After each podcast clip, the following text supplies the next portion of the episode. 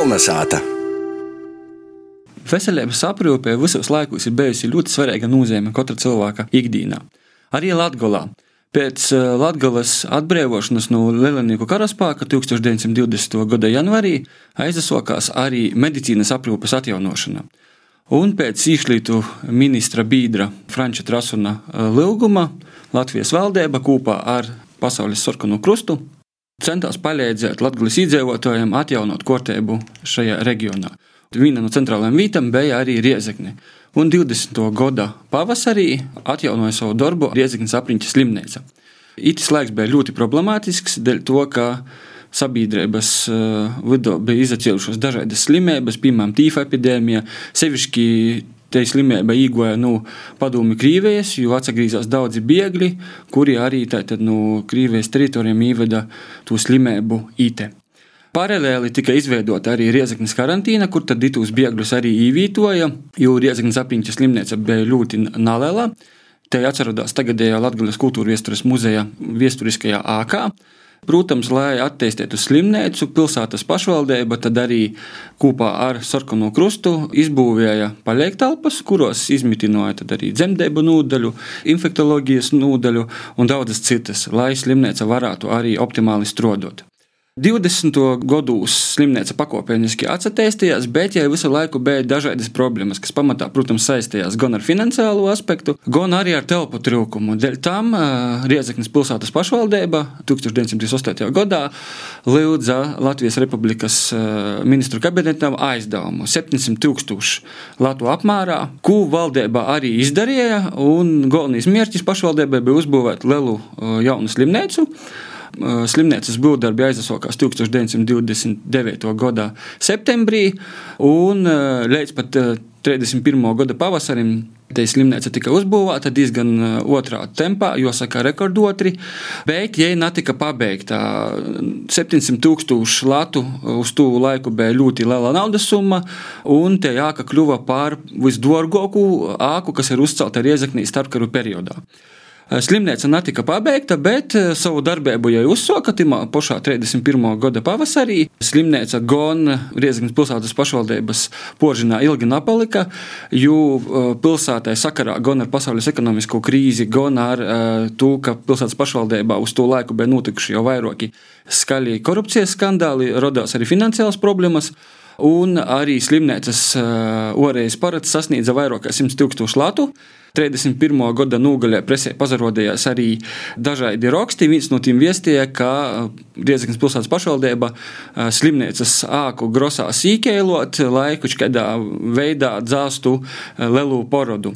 Bet tas napīsapildījās, tomēr pilsētai nocās risinot to situāciju un paļēgā noca Latvijas sarkanais krusts, kas noslēdza ar pilsētas pašvaldību līgumu uz 12 gadiem kas paredzēja, ka Latvijas sarkanais krusts aizdod Rieziknas pilsētas pašvaldībai vairākus tūkstošus latu. Un pilsētas pašvaldība izīrēja uz 12 gadiem slimnīcu Latvijas sarkanajam kristam. Latvijas sarkanais krists porījām slimnīcu 31. gada janvārī. Par slimnīcas vadītāju kļuva pazīstamais orsts Valdis Gavars, kurš arī strādāja itamā amatā līdz pat Latvijas okupācijai 40. gada jūnijā. Notika dažādi uzlabojumi. Tajā skaitā, ja tika vispār pabeigta Dagola, tika uzcelta arī atsevišķa infektoloģijas nodaļa 34. gadā, kura kļuva par modernāko tāda tipa īstodi visā Latvijā. Nu, un slimnīca strādāja, strādāja ļoti veiksmīgi. 33. gada sākumā, kad ja nonāca Latvijas sarkano krusta pakļautībā, pacientu skaits bija nedaudz pori 40, tad jau pēc poris mēnešiem pacientu skaits sasniedza jau 120 cilvēku. Vēlāk arī tas pacientu skaits palielinājās līdz pat 170, 180 cilvēkiem, un daļu pacientu nocās izvietot gan gaiteņos, gan arī citos paliek telpos. Un radās arī ideja, ka varētu izbūvēt vēl dažādas citas ēkas, lai risinātu problēmu, bet eh, pienāca otrais pasaules karš, un tie ideja tā arī palika nerealizēta. 1938. gadā tika iegūts arī pirmais eh, automobīls. Tas bija viegls pasažieru automobīls, bet ar jū eh, tomēr porvītoja arī slimniekus, jo iepriekš tas viss notika ar zirgu pajūgiem. Bet jau pēc trīs gadiem, 39. gadā, ar Ziemeļvalstu sarkano krusta palīdzību, tika iegādāta pirmo eisto otros palīdzības mašīnu, ar kuru tad arī pacientus pilnvērtīgi varēja porvītot. Jāmūt vērā to, ka slimnīca uzņēma pacientus ne tikai no Riezeknis, bet arī no Riezeknis apriņķa, arī Abrinis un arī Ludzes apriņķa. Nu, un slimnīca veiksmīgi strādāja līdz 40. gada jūņam, kad īnoca tātad sarkano armija un slimnīca nokļuva tātad padomju varas īstožu pakļautībā. Turpmāko gadu, ja turpināja strādāt līdz 41. gadam, 41. gada jūnijā represijā vairākus slimnīcas darbiniekus, timā skaitā ostus. Viens no tiem bija arī slimnīcas vadītājs Valdis Gavars, kuru vēlāk arī tad kopā ar vēl 38 nogalinātajiem izroka tepat bijušajā NKVD ākas pogolmā, citus orstus represijā izsūtīja uz Sibiri, bet slimnīca tomēr turpināja strādāt arī otras okupācijas laikā, līdz 44. gadam.